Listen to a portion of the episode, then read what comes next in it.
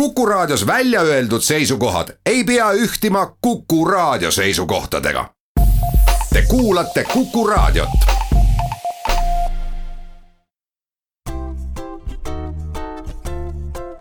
patsiendiminutid, Patsiendiminutid toob teieni Eesti Patsientide Liit. tere, hea Kuku kuulaja mina olen Kadri Tammepuu ja me jätkame tänases saates juttu hooldekodudes meditsiiniabi pakkumisest eelmises saates rääkisime me Õdede Liidu presidendi Anneli Kannusega muuhulgas ka hooldekodudest ja uuest Haigekassa teenusest sellel aastal. aga meie jutt jäi veidi poolikuks, sest saateaeg sai lihtsalt otsa, sellepärast on meil täna külas Viiratsi hoolekandekeskuse Avitar omanik Merike Siht. tere tulemast Patsiendiminutitesse! tere! no hooldekodudes on mõnikord olnud probleemiks see, et et äh, inimesed, kes seal elavad, elanikud ei pääse ligi meditsiiniabile ja siiani oli siis olukord selline, et hooldekodu pidi ise kuidagimoodi hea seisma selle eest, et et inimesed õe või arsti juurde viidi või, või õde või arst nende juurde kutsuti. sellest aastast hakkab Haigekassa õeteenust rahastama.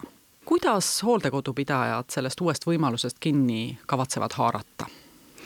Ma tean, et äh, suurele osale hooldekodude pidajatele, omanikele, töötajatele, kes vastutavad äh, teenuse eest, on see suurepärane uudis, äh, sest hooldekodude ühendus on ligi kakskümmend aastat taotlenud, et hooldekodu võiks osutada ka meditsiiniteenust. põhjus on selles, et meie majade elanikud on reeglina väga halva tervisega.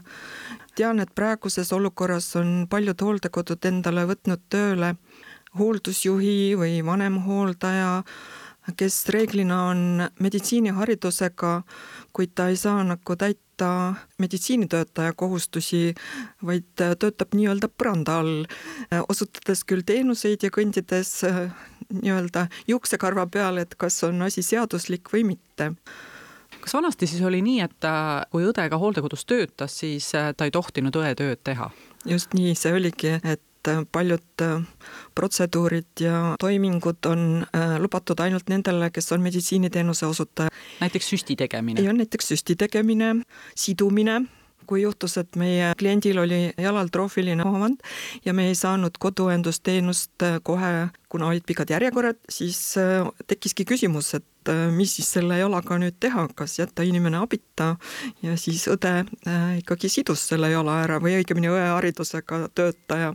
ja meie enda õigustuseks siis mõtlesime sellise loo, et et äh, kuna me oleme võrdsustatud koduga, hooldekodu, siis äh, ka kodus on pereliikmed, kes saavad arsti käest nagu juhendit, et kuidas äh, oma lähedast hooldada ja kuidas tal sidemeid vahetada, et me olime ka arsti käest instruktsioonid saanud. No väga hea, aga kui palju Viiratsis hooldekodukohti on ja, ja kuidas täna olukord on, et kas need kohad on täis?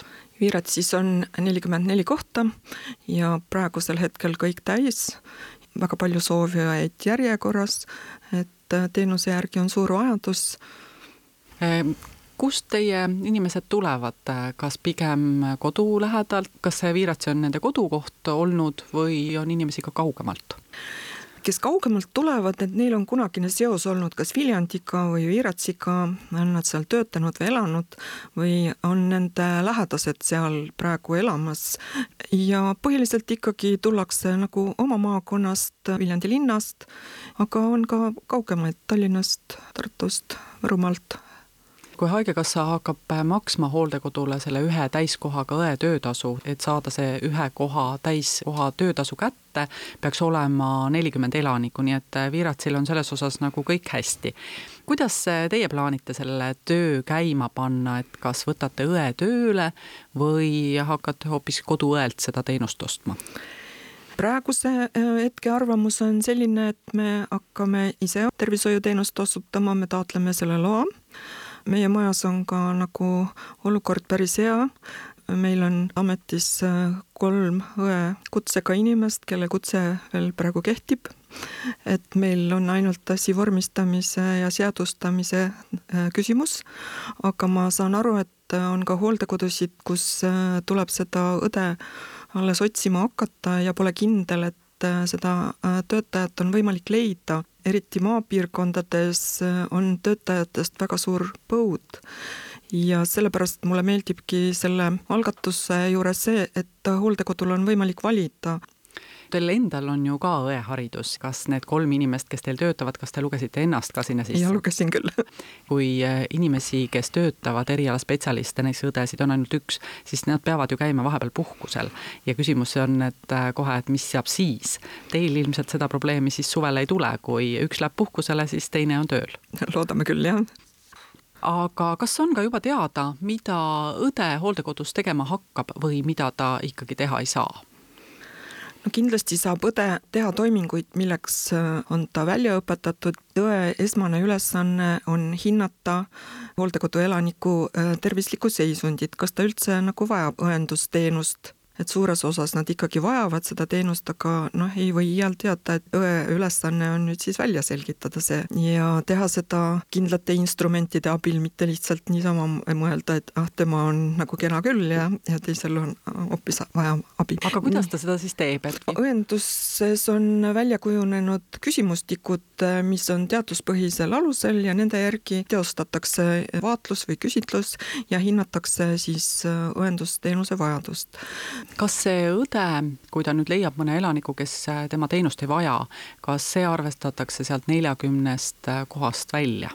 mina sain nagu teenuse tutvustamisel aru, et äh, seda makstakse nagu pearahasüsteemil, et kui arstinimistus on ka nagu tervemaid ja haigemaid, et siis pearaha ta saab nagu kõigi pealt selge, nii et ei teki seda olukorda, et mõni arvatakse natukene haigemaks, kui ta tegelikult on?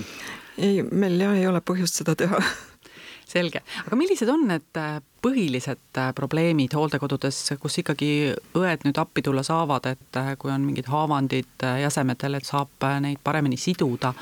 mõnikord on probleemiks ka näiteks lamatised või, või kukkumised kuna meie majas on nüüd teadjate inimestega päris hästi, siis äh, meil on küll väga harvad need juhused, kus äh, me peame lamatistega tegelema. reeglina, kui tuleb kuskilt mujalt inimene ja, ja on lamatised enda majas, me suudame suhteliselt ära hoida selle. Ja kukkumised siiski on äh, küllaltki tavapärased. Meil ei ole võimalik panna iga inimese kõrvale keegi, kes tal käest kinni hoidab ja, ja ma kahtlustan, et ka siis võib inimene kukkuda ja kuna vanemate inimeste liigesed ja luud on juba haprad ja see väike komistamine juba võib äh, anda nagu halvad tagajärjed, et kukkumine on probleemiks nii kodus kui hooldekodus ja ausalt öeldes oleme mõelnud, et kuidas seda saaks ära hoida, et äh, ega me nagu midagi head ei olegi välja mõelnud, et ega me ei saa ju panna inimest kuskile voodisse, et, et ta üldse ei saa liigutada ega kukkuda, et ikkagi tuleb elada oma tavapärast elu.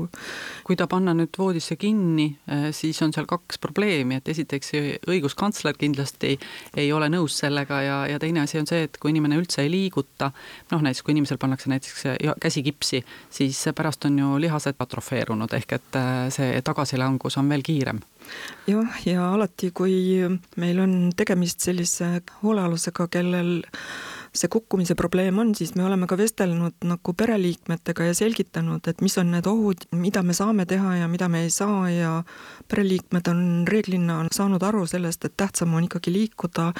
Ja kui see inimene kukub, siis ta kukub, ega midagi teha ei ole.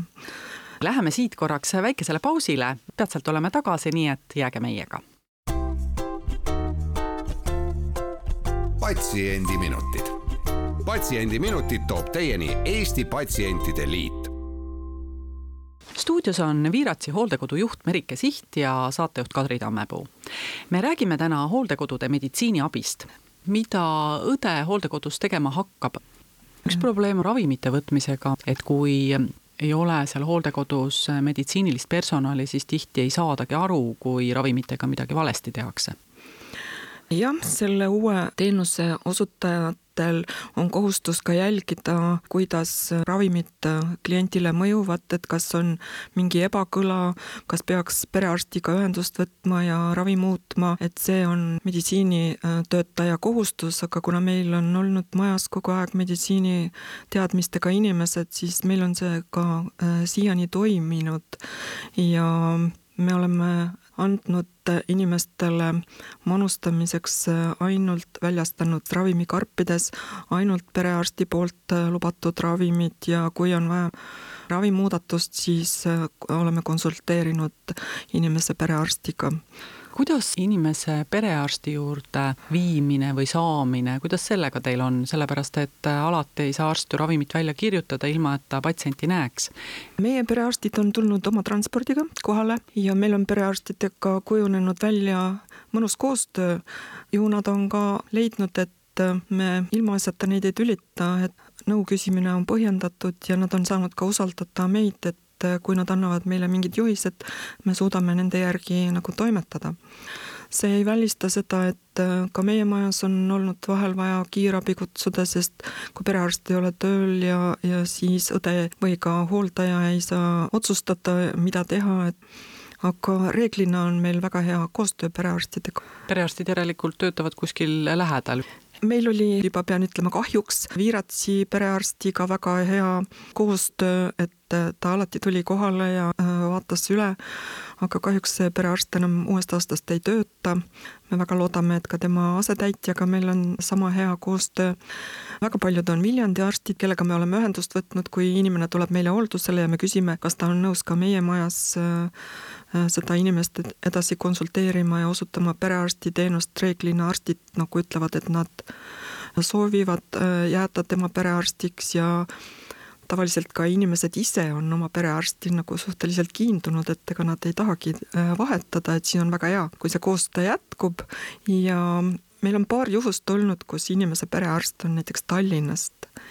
Ja uskuge või mitte, aga me saime seal ka nagu sellega äh, perearstiga ka väga hästi probleemid lahendatud, et ta oli ise huvitatud kas ta sõitis kohale? ei, ta ei sõitnud kohale, me nagu helistasime talle, et meie juurde tuli üks inimene, kes on tema klient ja kuidas ta nagu näeb, kuidas meie koostöö nagu võiks sujuda, sest inimene ise väga soovis, et ta on peaaegu niimoodi pool elu olnud selle tohtri nimekirjas ja kindlasti tahab ja ja me saime operatiivselt temaga rääkida, ta andis telefoni, kus me saime temaga kontakti, kohe ei pidanud üldtelefonil nagu teistega koos konkureerima oma kõnega no ilmselt see ongi nüüd see võti, et kui küsimusi küsib meditsiiniõde, kes on enne ka võib-olla mõned tähelepanekud patsiendi kohta teinud, siis äh, on töö tõesti nii tihtipeale võimalik, et arst ei peagi kohale tulema ja ise patsiendile kätt külge panema sellel juhtumil nagu tõesti oli nii, et. aga kuidas siis ikkagi nüüd kohalik omavalitsus, kui näiteks peab minema eriarsti juurde ja eriarst asub kusagil eemal, et ähm, kas siis äh, pigem hooldekodu peab ise hea seisma, kutsuma näiteks takso või, või, või viima mõne töötaja autoga elaniku arsti juurde või ka kohalik omavalitsus pakub sotsiaaltransporti? Me oleme alati sellistel juhtudel kohaliku omavalitsusega läbi arutanud, et mis võimalused on, kas neil on enda transport või nad finantseerivad. kunagi olid ka muidugi ajad, kus me tegime ka ise selle transporti ja see oli kõik kohamaksu sees aga praegu on kulud päris suured ühe, ühe sõidu peale. Me samas, me nagu Viljandi linna piires ja haiglas, see, see on nagu kohamaksuga tasustatud, selle eest me eraldi raha ei küsi. aga kui on nüüd vajadus viia tõesti Tartusse või Tallinnasse konsultatsioonile ja veel peab minema kaasa saatja ja sõidukulud, et see oleks nagu teiste äh, klientide suhtes ebaõiglane, kui nemad ka peaksid seda kulu katma, et et äh, siis me räägime kas perega, kas pere ise organiseerib transpordi või siis kohalik omavalitsus on, kas ta finantseerib või siis teeb ise seda. et me oleme hakkama saanud üks probleem veel, mis äh, kindlasti hooldekodudel äh, kohamaksu ähvardab tõsta, on hooldajate küsimus. nüüd tohivad hooldekodudes töötada vastava koolituse läbinud hooldajad ja samas, ähm, kui nad on läbinud koolituse, siis on nad väga ahvatlev äh, tulevane personal haiglatele ja, ja kuna haiglatel on meditsiinitöötajate kollektiivleping, siis äh, seal sees on ka hooldajad ja nende järjest tõusev töötasu. Ja haiglad äh, kipuvad mõnikord hooldekodudelt töötajaid ära napsama kuidas teie selle probleemiga kokku olete puutunud? jah, meie jaoks on see vägagi aktuaalne äh, küsimus, oleme suure haigla mõjupiirkonnas maahooldekodudel on äh, selles mõttes natukene lihtsam. meie oleme Viljandi linnas ja väga lihtne on minna haiglasse tööle ma olen nüüd kalkuleerinud, alates siis aprillist ilmselt ulatuvad hooldaja palgakulud kuskile tuhande euro kanti. see ei sisalda veel makse. meditsiinitöötajate palgalepe on väga soosiv kõigi oma töötajate suhtes, et neile pakutakse lisatasu nädalavahetusel töötamise eest. Nad saavad nädal aega tasustatud puhkust juurde nüüd ka sellest aastast alates ja öötöö on tasustatud kallimalt ja ka tunnitasu, et see teeb meile tõsiselt muret sest enam-vähem on äh, võrdusmärk äh, meie kohamaksu ja, ja äh, hooldaja kuupalga vahel. aga kui meie kohamaks tõuseb kuus tuhande euroni, juba praegu on see väiksem summa paljudele peredele üle jõu käiv ja ma ei kujuta ette, mis siis saab, kui, kui tõesti me peame sellist kohamaksu hakkama küsima nii et päris rasked valikud, kerge see inimestele ei saa olema, sest äh, ka kohalikud omavalitsused tihtipeale ei kipu neid oma kohustusi täitma, mis puudutab inimestele appitulekut, kui nad kohatasu maksmisega hätta jäävad. Jah, et äh, eks nad nõuavad äh, kindlasti pere kohta andmeid, kui maksejõulised nad on ja omavalitsustest muidugi tuleb ka aru saada, et äh, nad on nagu äh, hooldekodud, et neil on pandud kohustusi rohkem, kui neil on nagu finantse, millega seda kohustust täita, et lõpetuseks veel, ka hooldekodud ju tegelikult püüavad saada ajas üha paremaks ja teha midagi teisiti ja uutmoodi, et mis viirad siis äh, lähiajal plaanis on, kuidas hooldekodu elanikele mõnusam kodu luua? Täna mõtlesingi korraks tagasi, et äh, kui ma alustasin tööd kakskümmend viis aastat tagasi, et milline see hooldekodu tege-, oli siis. ja mis on tänane päev, et areng on muidugi olnud tohutu. aga ega meile sellest ju ikka ei piisa, tahaks ikka veel midagi äh, paremini teha, aga aga meil on nüüd küll läinud hästi, et eelmisel aastal projekti raames, et äh, muuta elukeskkond dementsusega inimestele paremaks, oli võimalik raha taotleda ja meie ka seal äh, esitasime oma projekti, mis siis ka heaks kiideti. ja me saime päris suure summa raha, et välja ehitada enda hooldekoduaed, mis oleks turvaline siis dementsusega inimestele ja ka abipakkujatele ja oleks ka nagu mõnus äh, aja veetmise koht kõigile hooldekodu klientidele ja külalistele. ja asusime siis seda ellu viima, aga muidugi ilmastik oli selline, et meil ei õnnestunud seda projekti lõpuni viia. aga ometi praegu ju labidas maasse veel läheb? ja asi ongi selles, et äh, ta ei kanna nagu ehitusmehhanisme, et need jäid kõik kõhu peale kinni, et ei saanud töid lõpetada. et äh, me väga loodame, et kevadel me saame oma projekti lõpetada ja taimed maha istutada, lillepeenrad korda teha ja siis on meie hoolealustel jälle natuke parem olla seal no väga tore, äh, soovime edu ja loodame, et äh, see aed kenasti kevadel valmis ka saab. aga suur aitäh, Viiratsi hoolekandekeskuse Avitar omanik äh, Merike Siht täna meile saatesse tulemast ja täname ka kõiki kuulajaid.